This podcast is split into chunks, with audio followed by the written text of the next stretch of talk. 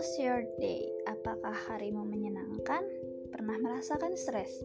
Bisa saja dari hal-hal besar seperti bencana alam atau perubahan hidup seperti pindah rumah dan lainnya. Namun, pernahkah kamu stres karena kejadian sehari-hari? Seperti kecelakaan secara saat tidak sengaja temanmu menumpahkan kopi atau saat kehabisan, kehabisan baterai handphone atau kehabisan sampo atau saat di tengah kemacetan saat kamu benar-benar ada janji penting. Atau ternyata ada tenggat waktu besok saat pekerjaan tersebut benar-benar penting namun belum selesai. Bagaimana mengatasi stres? Bagian pertama, kamu dan stres. Kamu dan stres. Stres merupakan reaksi tubuh dan emosi yang terjadi sebagai respon dari suatu kejadian atau stresor. Tidak aneh bila kamu mengalaminya setiap hari. Oleh karena itu, mari cari tahu cara menghadapi, mengelola, dan mengatasinya agar stres tidak menumpuk dan mengganggu kesehatan. Apa itu stres? Seperti tadi sudah dijelaskan, stres merupakan respon fisik dan emosi dari kejadian yang sering disebut stresor. Tahukah kamu bahwa dalam kadar yang tepat, sebenarnya stres itu baik? Ada stres baik dan stres buruk. Apabila stres berlebihan dan menumpuk, dapat berakibat menjadi stres berkelanjutan atau distres. Eustress atau stres baik merupakan stresor yang dipersepsikan dan direspon baik oleh tubuh Hal ini membantu agar kinerja menjadi optimal. Distress atau stres buruk merupakan stresor yang direspon buruk oleh persepsi dari tubuh. Biasanya, kinerja buruk ini kembali menjadi stresor dan menjadi siklus. Ada beragam cara seseorang untuk menghadapi stresor atau kemampuan yang berbeda dalam memproses stresor. Kedua proses tersebut adalah appraisal dan coping. Appraisal terbagi primary appraisal dan secondary appraisal. Sedangkan coping terbagi dua juga, yaitu emotional focus coping dan problem focus coping. Oke, okay. appraisal atau primary dan secondary. Primary merupakan tahap dalam menentukan apakah sebuah stresor mengancam atau tidak. Secondary appraisal adalah tahap dalam menentukan cara mengatasi stresor tersebut. Kemudian, coping. Terdapat emotional fokus dan problem fokus coping. Untuk emotional fokus coping merupakan usaha mengontrol emosi dari stresor dengan relaksasi. Sedangkan problem fokus biasanya sering terlewatkan meskipun terpenting dalam mencegah distres yaitu usaha untuk memfokuskan diri, menemukan dan menyelesaikan penyebab stres.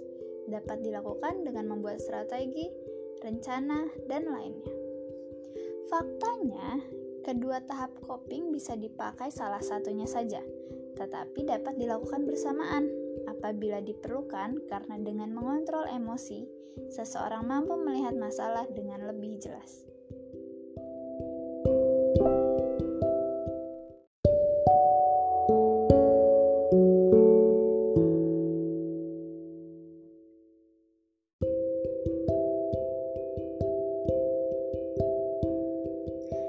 Penyebab stres.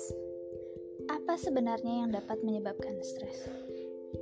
Beberapa faktor seperti lingkungan, sosial, maupun pikiran. Faktor lingkungan misalnya, keadaan sehari-hari seperti polusi dan macet, atau kriminalitas, atau faktor sosial, mulai dari pekerjaan, keadaan finansial, pasangan, maupun keluarga. Bagaimana dengan faktor fisik? Faktor fisik dapat berubah insomnia, pubertas, kecelakaan, penyakit, atau kelelahan. Sedangkan pikiran bisa jadi rasa tidak percaya diri, marah, sedih, takut, maupun benci. Faktanya, faktor dan berat stres sangat bergantung kepada orang itu sendiri. Gejala dan dampak. Perlukah kita mengetahui gejala dan dampak stres? Perlu, karena hal ini akan berkaitan pada fisik, psikologis, dan perilaku. Dari mana datangnya gejala dan dampak stres? Gejala dan dampak stres terjadi karena tubuh merespon stres dengan mengeluarkan hormon adrenalin dan kortisol yang mengaktifkan sympathetic nervous system. Apakah berbahaya? Ya, jika dibiarkan menumpuk menjadi distres atau stres buruk. Distres dapat menimbulkan gangguan cemas berlebihan, bahkan depresi. Hal ini tentu akan berdampak pada pencernaan, obesitas, hipertensi, serangan jantung, bahkan stroke. Faktanya, kemampuan untuk menghadapi dan mengatasi stres dapat dilatih, mulai dari mengenali gejala ringan seperti gejala fisik, kemudian gejala psikologis, dan gejala perilaku. Tidak hanya kamu yang mencari tahu apa itu stres, banyak orang yang mencari tahu, sehingga mungkin salah satu cerita ini akan membantumu berpikir bahwa apakah kamu melakukannya Cerita segelas air. Seorang guru membawa setengah gelas air ke dalam gelas. Kemudian guru tersebut bertanya kepada para muridnya, "Berapakah berat gelas ini?" Salah seorang murid menjawab, "200 gram."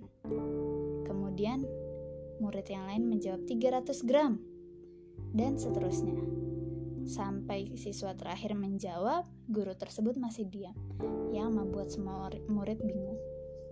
Akhirnya, sang guru berkata, "Sebenarnya, seberat seberapa berat gelas ini tentu tidaklah penting. Walau berat, sesungguhnya akan tetap sama. Semakin lama kamu mengangkatnya, maka semakin terasa berat.